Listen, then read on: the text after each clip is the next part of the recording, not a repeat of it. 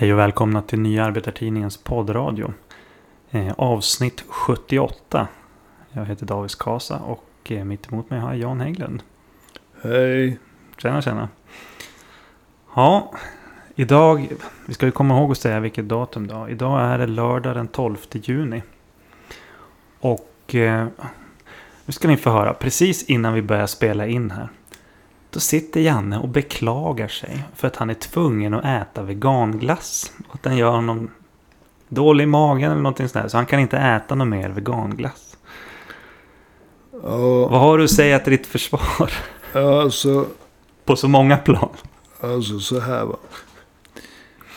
Eh, Jag får inte äta vanligt socker.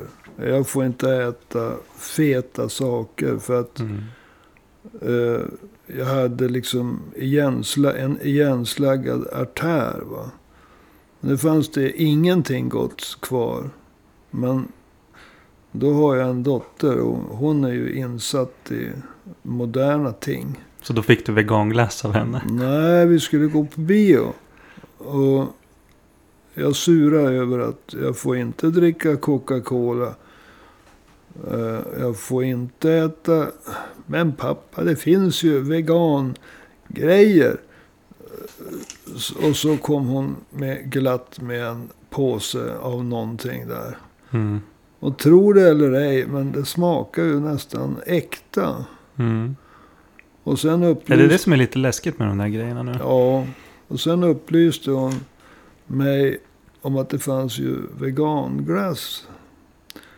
Och jämfört med att inte få äta någon glass alls. Jag menar tidigare så fanns det ju tusen glassar. Tusen godispaket. Ja, allting. Mm. Man kunde välja va. Men nu är man ju tillbaka pressad. Mm. Så du är Till- liksom glad åt andra sorteringen? Ja, precis. Jag menar, det finns två olika. Vanilj och choklad på den affär där jag handlar. Va? Men jag börjar äta så mycket av den så att magen tål inte mer. Va? Eh, Men eh, Det kanske är det som är problemet då? Nej, alltså det är ju så att veganmat är ju, alltså jag är inte vegetarian och att då liksom trängas tillbaka till det begränsade utbudet som veganer kan äta. Det känns ju inte roligt. Va? Nej, nej. Men eftersom valet står mellan att äta glass och att inte äta glass. Så tar man tacksamt emot de små smulor som finns. Eh, Men när det gäller att ta sig hit i regn. Så får man ju inte ens någon smula till hjälp. Nej, nej. Jag ska se till att nästa podd då ska du få en veganglass. Ja, alltså Kan du äta Jag den på vägen en- hem? Liksom? jag kör en dieselbil. Ja. Och dieselbilar, de kan inte tillgodogöra sig veganglassar. Inte heller gräddglass av traditionell art som är feta och sockriga och goda på allvar. Kan dieselbilar tillgodogöra sig. Men vet du? Gamla, jag har sett på, på, på så här Top Gear eller någonting sånt. Då var det ju, de tankade filtrerad frityrolja, en sån här gammal dieselmerca från 80-talet. Kanske Ja, något och den, testa. den gick ju fast lite ryckigt. Ja, ja. Nåväl, vi, eh, vi konstaterar att eh, veganglass är tråkigt. Och dåligt för magen. Ja, Eh, alltså så här. Det, det, det är väl snarare så att jag kanske har ätit lite för mycket av den. Va? Ja. Men, men sortimentet är något begränsat. Mm. Mm. Ja, Nåväl, vi ska ta och gå in på eh, ämnet för dagens eh, podd. Det ja om jag bara kan sluta tänka på en, veganglass. nej, en stor saftig stek. Va? Ja, just det. Ja, du får...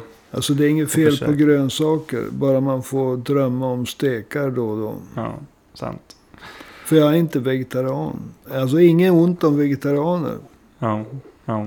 Och det, är, det är viktigt att du understryker den saken med tanke på att du föräter dig just nu på veganglass. Ja, absolut. Nåväl. Eh, ämnet idag är ju allvarligt. Därav denna inledning om veganglass. Eh, det är ju så att eh, här för 14 dagar sedan ungefär så skedde det ju tre stycken uppmärksammade skjutningar. Eh, Mm. det var åtminstone två av dem. En i Hjällbo och en i Husby. De skedde ju mitt på ljusan dagen. Med fara för eh, civila, eller vad man ska säga, i, i de boende i de respektive orterna. Då. Hjällbo ligger ju i Göteborg, Husby utanför Stockholm. Och Hjulsta var den tredje platsen. Då. Och eh, den saken i sig har ju inte gett upphov till att det de senaste veckorna har diskuterats med rätt mycket om brottsbekämpningen igen. Utan det var en studie som kom från Brottsförebyggande rådet om dödsskjutningarna i Sverige. Eh, vad var det den studien visade? Ja, det var ju en eh, jämförelse, en rapport från Brottsförebyggande rådet, förkortat BRÅ. Som hade jämfört dödsskjutningarna i Sverige med 22 andra europeiska länder. Och där sticker Sverige ut. Och det är på flera negativa sätt. Mm. Och eh, för att ta några exempel. Det sker mer än dubbelt så många dödsskjutningar per miljon invånare i Sverige. Jämfört med snittet för alla undersökta länder i rapporten. Mm. Och det är ju då 23 länder Mm. eh, i Europa.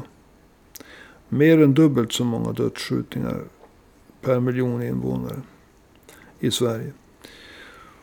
En annan sak det är att ökningen av antalet skjutningar i Sverige är helt oemotsvarad. Inget annat av de 22 undersökta länderna uppvisar en ökning som är jämförbar med utvecklingen i Sverige. Mm. En ökning av antalet skjutningar. Och en tredje sak är att i de flesta andra undersökta europeiska länder i den här studien så minskar både det dödliga våldet i allmänhet och i synnerhet det dödliga våldet med skjutvapen. Mm. Enligt rapporten så är det just den organiserade brottsligheten i Sverige som gör att landet sticker ut i negativ bemärkelse jämfört med övriga undersökta länder. Mm. Så eh, det är ju mot den bakgrunden, den deprimerande rapporten från Brottsförebyggande rådet som de här skjutningarna, tre dödsskjutningar, eh, skedde. Ja. Alltså i Hjällbo, i Göteborg, Husby och Hjulsta i eh, Stockholmsområdet. Ja. Och jag vet att polisen eh, de, i Göteborg, de var chockade. Det var en polisman som sa att han aldrig varit med om någonting liknande under sina 30 år inom polisen. Mm. Som eh, skjutningen i, eh, i Göteborg, i Hjällbo. Det var ju så att det var ju på ett torg. Det var ju en väldigt, eh, som jag förstår det, populär eh, butiksägare där. Ja, precis. Och han blev skjuten mitt på ljusan dagen. Det var mycket folk i rörelse. Det fanns polisiär bevakning. Därför att det hade alltså funnits en uppgörelse mellan två eh, gäng. Va? Eh, Ett stort slagsmål med uppåt 50 eh, deltagande enligt vissa rapporter. Mm. Eh, på fredagen. Och det eskalerade då fram till den här dödsskjutningen. Eh, inför hur många människor som helst. Eh, Bland, bland Ja. annat polisen på söndagen. Ja. Och sen då följde två stycken till dödsskjutningar. Inte i Göteborg utan i Stockholmsområdet. Den där i Husby verkar ju också ha varit helt besinningslös. De sköt mitt i centrumet. Och även utanför en lågstadieskola. Ja, alltså de förföljde en person som sprang för sitt liv Mm. och sköt. Och jag menar, när han springer, då springer han ju inte med tanke på att... Han springer ju med tanke på att rädda sitt liv. Jo. Och om de missar, vilket han hoppas på, så ju inte, kan ju inte han tänka på att nu springer jag framför en skola, nu springer jag framför ett dagis. Utan han Nej. springer för sitt liv. Och de som förföljer honom, de verkar inte heller oroliga över vars kulorna far. Nej, precis. Och inte heller speciellt sparsamma med kulorna. Det är ju många som inte förstått eller som inte velat se att den här utvecklingen har varit på väg. Vi diskuterade ju en, en tidigare podd så pratade vi ju om hur statsministern pratade om menar, vi såg det inte komma och hela den här biten. Eh, och det finns ju de som har liksom förminskat problemen. Vad, vad, vad säger du till dem? Eller om dem idag? Ja, det är ju synd om människor som är blinda. Och Jo. en del verkar ju vara födda blinda. Andra verkar ju gå genom livet med eh, skygglappar. Mm. Och de som gör det, oavsett om de är, har haft liksom eh, den tragiska eh, ja, tragi, tragiken att födas blinda eller de som har på ett tragiskt sätt blivit blinda under sitt liv. De har ju en tendens att snubbla oftare än vi som har förmånen att se. Och eh, när det gäller de, de här skjutningarna så det går ju inte att, att försöka förstå om man inte inser att det handlar om organiserad brottslighet. Och gängbrottslighet. Och då ska man skilja på gäng och släkt eller klanbaserad brottslighet. Mhm. Eh, Men på samma sätt som eh, när man, när, när åtminstone jag och, och, och, och det fanns ju de som var långt före mig. Eh, och det parti jag tillhör började diskutera brottslighet utifrån begrepp som släkt eller klanbaserad. Jag menar, det är ju inte hela förklaringen, men den är en del av den. Så diskuterade vi ju tidigare i, i politiska sammanhang frågan om hederskultur och hedersvåld. Mm. Och det var ju många, många som vägrade att erkänna att det fanns någonting som hette hederskultur. Eller existensen av den och hedersvåld. Och eh, menade att alla som tog upp det begreppet, de var rasister. Och den mildare varianten, det var ju att, att överhuvudtaget att ta upp begreppet, fick jag veta, det var riktat mot mig, det var att eh, gynna rasisterna. Mm. Och därför så lämnades ju banan fri för exempelvis Sverigedemokraterna att tolka det hela. Vilket ju då inte alls eh, var negativt för rasistiska tolkningar. Eh, de som eh, ifrågasatte hedersvåldets existens, de har ju åtminstone en del av dem tvingats inse verk, verkligheten. Jo. Och här i Umeå kommun så eh, iakttar ju de flesta av dem en eh, surmulen tystnad. Då hederskultur och hedersvåld diskuteras.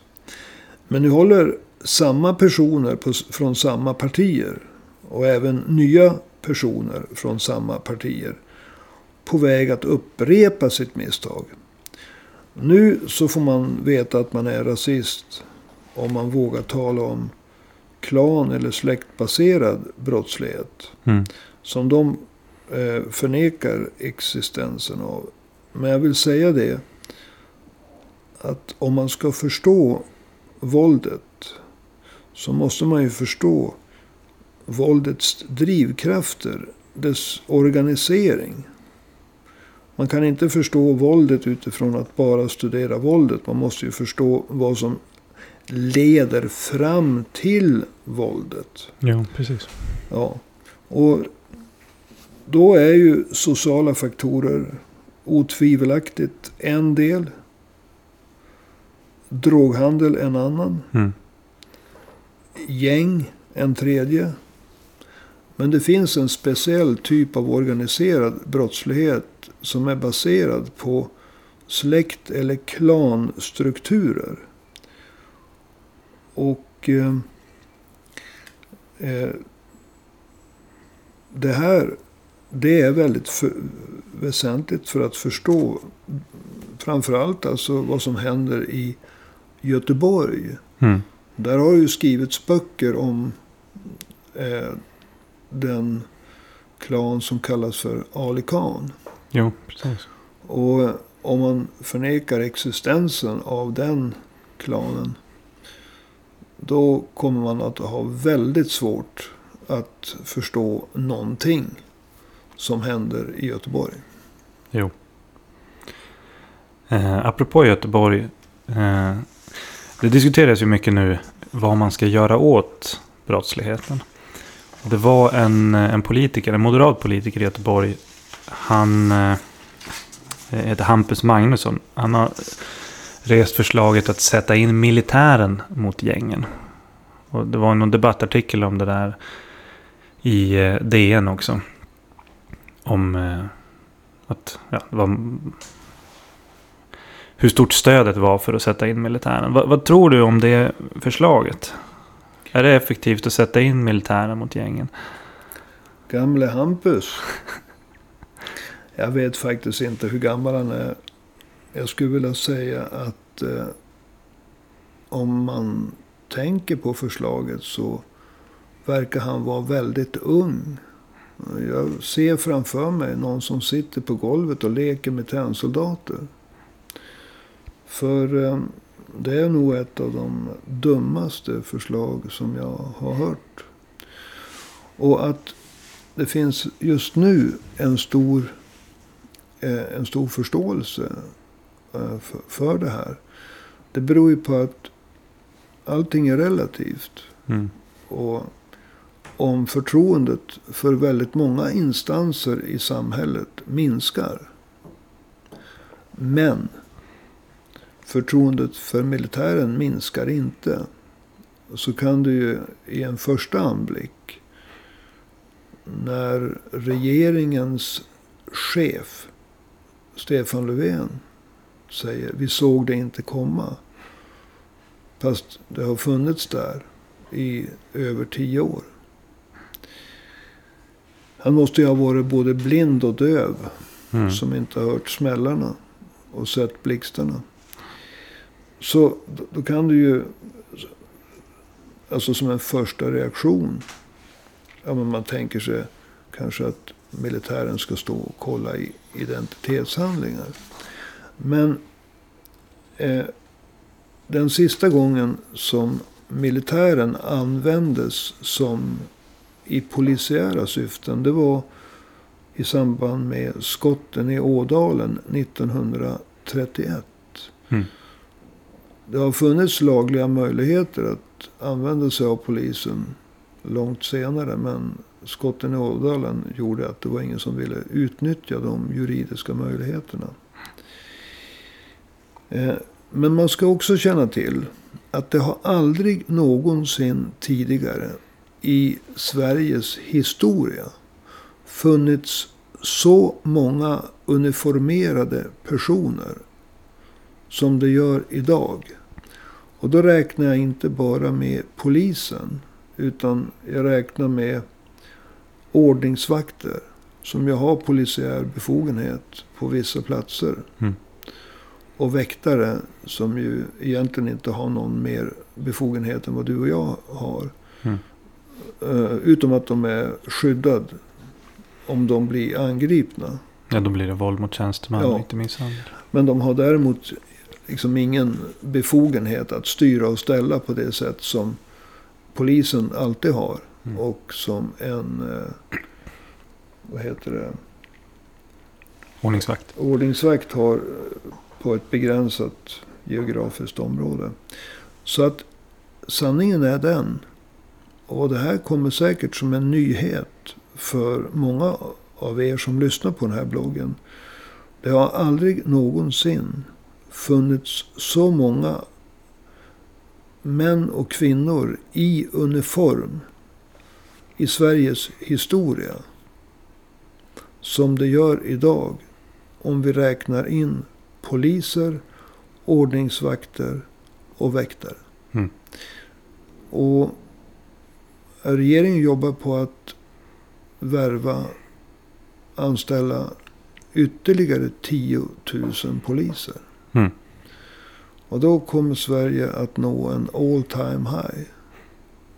Men det finns redan en all time high när det gäller personer i uniform. Mm.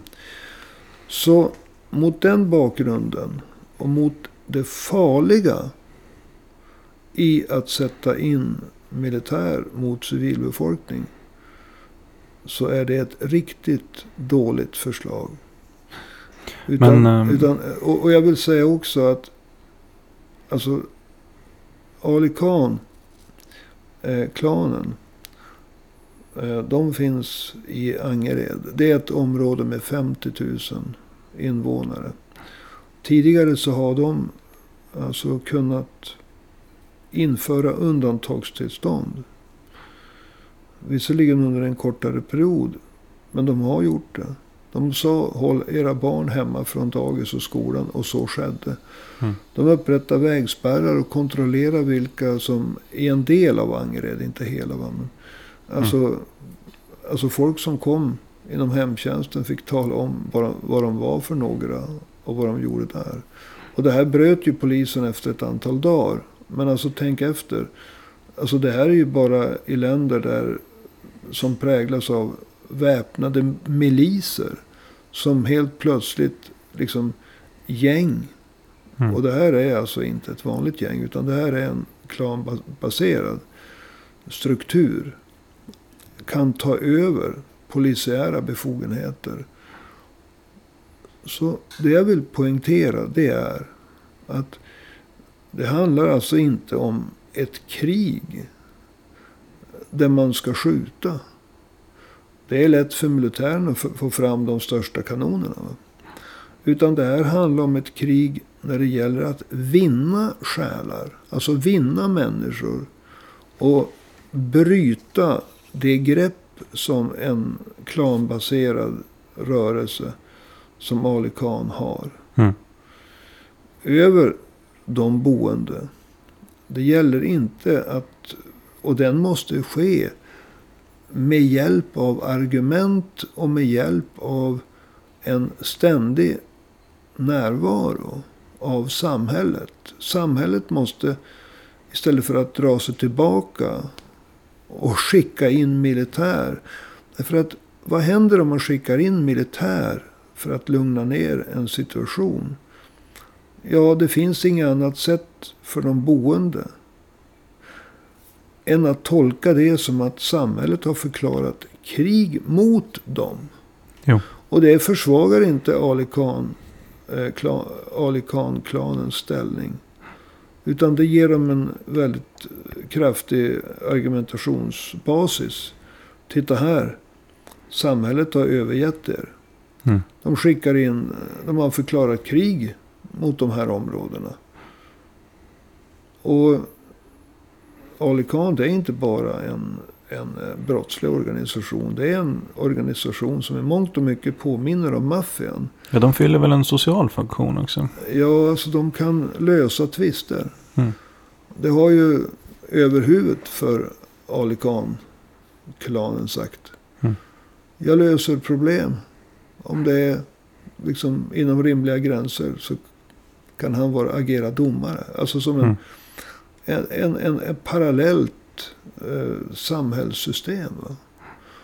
Och militär kommer att öka eh, det parallella samhällssystemet. Va? Alltså det blir som en krigsförklaring till Ja. olika områden i Angered. Och det är det sista man ska göra. Och naturligtvis så kan man inte begära att alla ska vara så insatta i de extremt viktiga nyanserna här. Men eh, det jag vill avsluta med att säga och det som gör mig alltså, riktigt förbannad. Det är att personer som aldrig har förstått situationens allvar. När de förstår situationens allvar då går de från en extrem till en annan. Från att blunda och inte se saken komma. Mhm. Till att börja ropa på militären. Jo. Från att förneka till att ta till det allra kraftigaste. Mm. Och Det är väl lite typiskt den svenska politiska debatten. ja, det är typiskt för den svenska politiska debatten. Och eh, alltså i båda fallen. Att blunda för problemen. Det är extremt dumt. Mm. Och att sen ta till de kraftfullaste medlen. Det är extremt dumt. Jo. Eh, Därför att inget av metoderna, att blunda eller ropa på militären, handlar ju om att förstå att samhället måste återerövra förlorade positioner i flera av stadsdelarna inom Angered. Samhället måste återvinna de boendes förtroende. Mm. Och det är det det här handlar om i slutändan. Eh, Ska samhället vinna de boendes förtroende? Eller ska Ali Khan-strukturen vinna den? Eh, Och de har både så att säga, de har inte bara, det är inte bara hotet från dem. Utan det är också så att de fyller, för, för vissa personer i alla fall, en positiv roll. Mm. Eh, Jag vill avsluta med att säga att överhuvudet kallas ju ibland för imam. Mm. Ja, de har väl en liten församling där. Ja, Men om vi ska prata om lösningarna här. Du, du kallar ju dig för demokratisk socialist. Och, och många som kallar sig socialister, de brukar ju, när det gäller sådana här frågor, då brukar det ju vara liksom ungdomsgårdar som är lösningen för hela slanten. Är, är, är du också för det? Att vi ska bara strössla de här stadsdelarna med ungdomsgårdar så löser sig problemen? Eller har du några fler förslag? ja alltså, det är inget fel i ungdomsgårdar. Men jag tror att, eller jag är helt övertygad om att i stora delar av Sverige. Alltså i stora delar, allting är relativt. Men i, det finns utanförskapsområden. Där tiden har gått förbi. Alltså ungdomsgårdar är bra. Men eh, de kriminella strukturerna har fått en sån djup förankring. Att det finns ingen möjlighet att bemöta de kriminella strukturerna med ungdomsgårdar. Mm. Och skulle man försöka göra det. Så är sannolikheten väldigt stor att ungdomsgårdarna skulle tas över av de kriminella. Mm. Jag menar, det finns ungdomsgårdar i, eh, in, i, inom Angeredsområdet som Ali Khan behärskar. Mm. Utan vad som behövs, frågeställningen, den är militär eller kvarterspolis. Mm. För vad är kvarterspolis? Jo, det kvarterspolisen, det är tanken bakom den. Och den, alltså kvarterspoliser fanns spridda över hela Sverige. Här i Umeå så fanns det kvarterspoliser som jag känner till. Dels på ett bostadsområde som heter Åledhem. Och så på ett annat bostadsområde som heter Umedalen. Och de hade ju en ständig närvaro. De hade ett eget litet kontor. En egen liten mini-polisstation. Mm.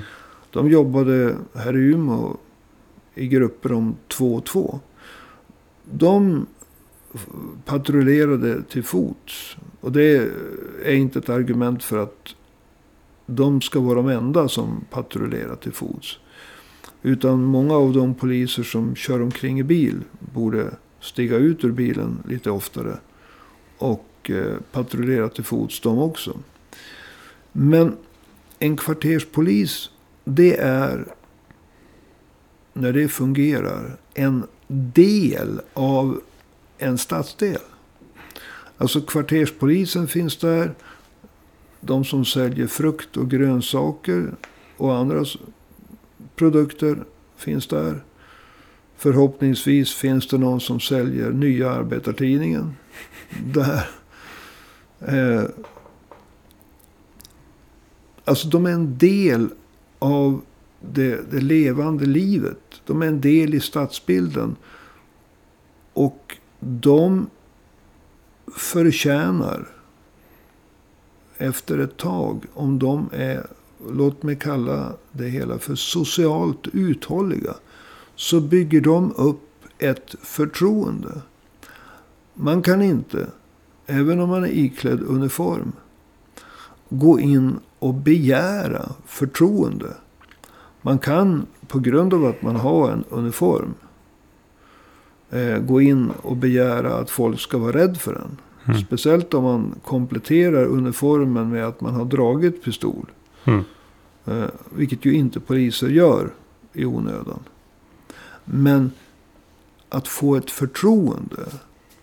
Att människor som vet att någonting otäckt och olagligt ska hända. Berättar att det är någonting på gång i förväg.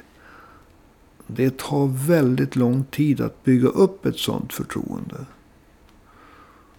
Tyvärr så går det allt för fort att förlora det. Mm. Ja, det men, men har man kvarterspoliser. Lyckas de bygga upp ett förtroende. Då spelar de. Då gör de en verklig skillnad. Det är klart att om en polispiket kommer. Så kan de för ett antal timmar lugna ner en situation. Men de bor inte där. De far därifrån. Och de människor som talar med polisen, de bor kvar. Mm. Och de kan eh, råka ut för repressalier för att ha talat med polisen. Mm. Jag menar, vi har ju pratat ofta om att det finns alltså no-go-zoner för rödljuspersonal. Va? Eller blåljuspersonal Blåljus. numera. Mm. Brandmän, poliser, ambulanser. Mm. Alltså kvarterspolisen är ju till för att samhället ska återta sin position. Återuppbygga ett förtroende. Men det är, då måste man också vara en del av stadsdelen. Man kan inte komma på besök när det händer någonting. Efter det har hänt. Mm. Så att om, om jag skulle vilja sammanfatta skillnaden mellan att skicka in militär och att ha ett system med kvarterspoliser. Kvarterspoliser är ett exempel på förebyggande verksamhet. Mm. Och det kanske finaste exemplet. Medans att skicka in militär. Det är ju det mest tydliga exempel, exemplet på att man så att säga invaderar en stadsdel efter det har hänt någonting. Mm. Men sen så tycker jag också, när du pratar om ungdomsgårdar, mm. att under förutsättning att det finns kvarterspoliser, så är ju ungdomsgårdarna ett väldigt bra komplement. Men då vill jag poängtera att det finns ungdomsgårdar och ungdomsgårdar. Hur menar du då? Ja, här i Umeå så hade vi någonting som hette Umeå-modellen. Och den blev känd på sina håll. Det kom politiker och tjänstemän som jobbade med ungdomsgårdar från hela Sverige. Och så vitt jag minns så kom det också från andra länder. Det var nämligen så att ungdomsgårdsverksamheten i Umeå låg inte under fritidsförvaltningen. Eh, det var inte fullt av eh, ja, vikter som man kunde lyfta. och få stora muskler. Utan den låg under socialtjänsten. Så de som var fast anställda på ungdomsgårdarna, gårdsföreståndare och så. Mm. De jobbade också som fältassistenter. Och de byggde upp, jag menar genom att spela biljard, eh, bordtennis. Det fanns, eh, jag kommer ihåg speciellt en kvinnlig eh, socialarbetare, skulle jag vilja kalla henne för. Som hade sminkkurser för tjejer. Mm. Som hade dåligt självförtroende. Och det kanske någon i förstone tycker låter som en banal idé. Sminkkurser. Det visade sig vara väldigt, väldigt viktigt. Det, det visade sig att eh, många ungdomsgårdar fungerade ganska stereotypt. Killarna stod och spelade biljard och tjejerna stod efter väggen och tittade på. Mm. De här sminkkurserna gav tjejerna ett eget utrymme. Men, alltså, men, men jag ska inte fördjupa mig i det. Jag vill bara säga att ungdomsgårdsverksamheten låg under socialtjänsten. Man pratar ju ofta om att myndigheterna borde samarbeta mer. På vilket sätt var det positivt då? Att han låg under socialtjänsten? Ja, alltså, om du ha ungdomsgårdsverksamheten under fritidsförvaltningen. Då kommer gårdsföreståndarna att eh, titta på eh, de kända fotbollslagen, de kända hockeylagen. Och försöka kanske få hit profiler ur den verksamheten. Och, och se sig själv som en förlängd arm av eh, idrotten. Men om de som jobbar på en ungdomsgård ser sig själv som en del av socialtjänsten. Då får de också kollegor som jobbar med social problematik. Fast riktat både mot äldre och yngre. Och då blir det ju en, en annan atmosfär. Man tar sitt jobb på ett helt annat sätt.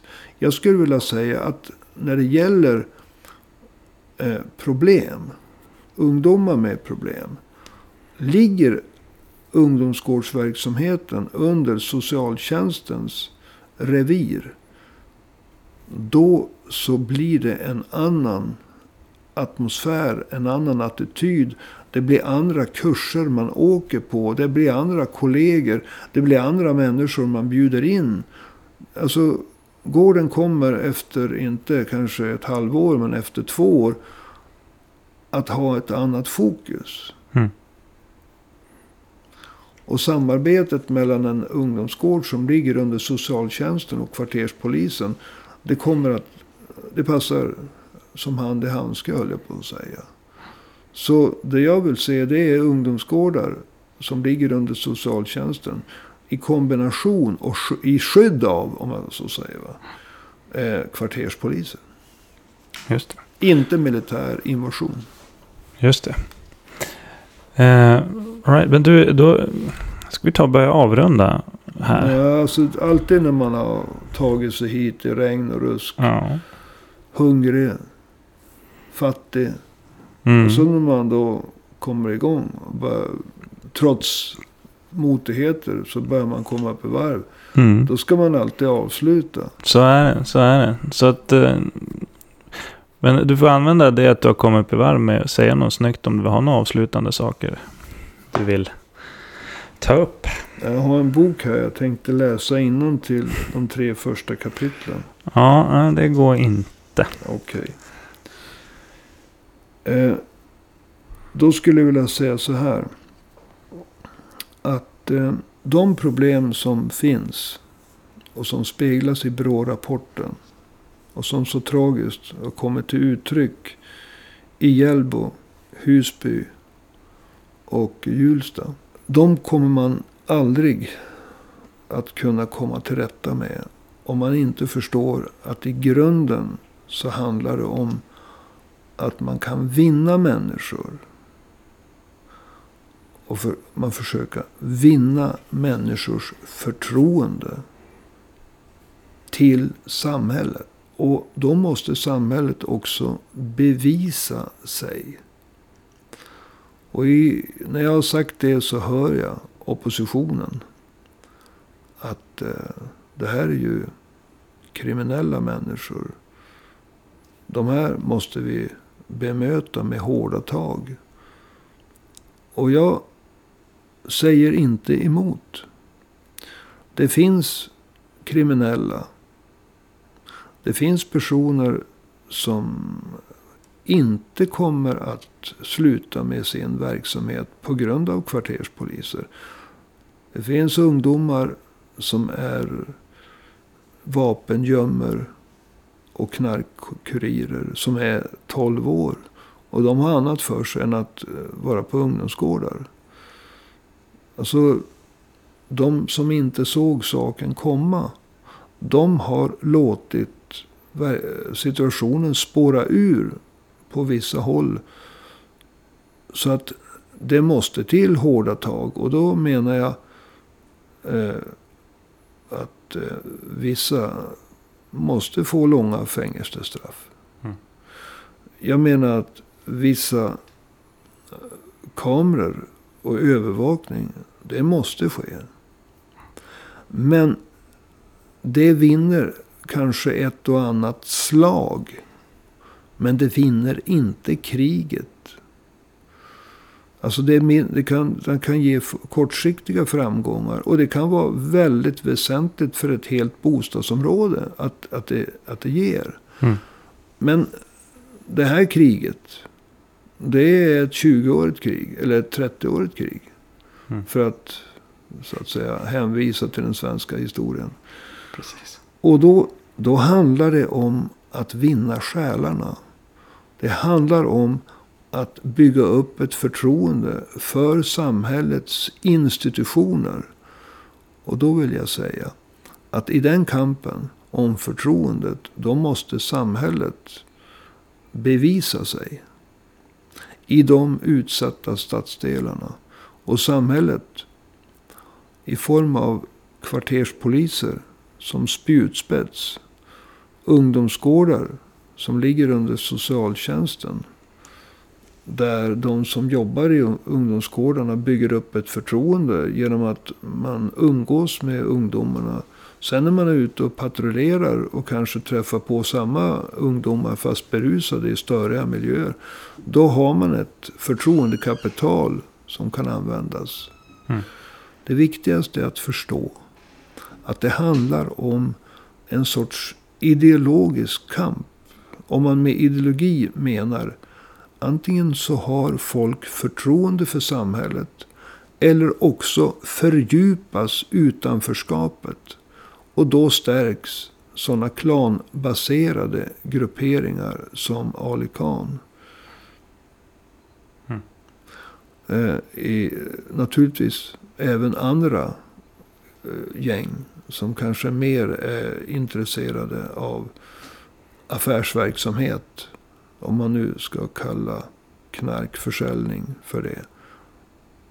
Eh, de sitter också säkrare i ett läge där förtroendet för myndigheterna undermineras. Så samhället måste vara närvarande. Samhället måste återta tappad mark i förtroende. Kvarterspoliser, ungdomsgårdar under socialtjänsten är bättre. Ett steg åt, är steg åt rätt håll.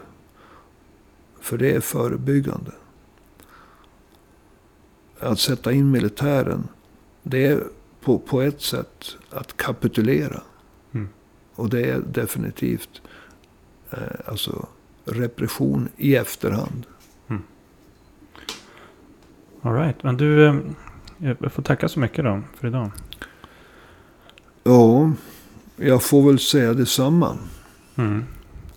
Ett avsnitt närmre eh, när vi ska till slut ta itu med arvodesfrågan. Eh, för din del. Ja. tills dess blir det veganglass. Eh, tack till dig som Den har... är ju inte billig. Nej, den är ju inte det. Tack till dig som har lyssnat också. Om eh, du tycker att det här är en bra podd så kan man ju alltid swisha oss ett bidrag i stöd. Bygga upp en liten fond för veganglass och bensinpengar åt eh, Janne-fonden. Eh, numret är, alltså inte till den fonden utan till, till eh, podden då. Det är ju 123 504 7105. Alltså 123 504 7105. Och eh, märker du ditt swishbidrag med till Jannes veganglass och dieselfond så går det oavkortat till just Jannes veganglass och dieselfond. Och eh, då kommer vi diskutera i avsnitt 237 eh, hur de pengarna då ska fördela sig mellan veganglass och diesel. Så som sagt, inget bidrag är för litet, inget bidrag är för stort. Utan det är bara att swisha på. Och eh, jag som säger det här heter David Skasa och vi hörs igen eh, om en vecka.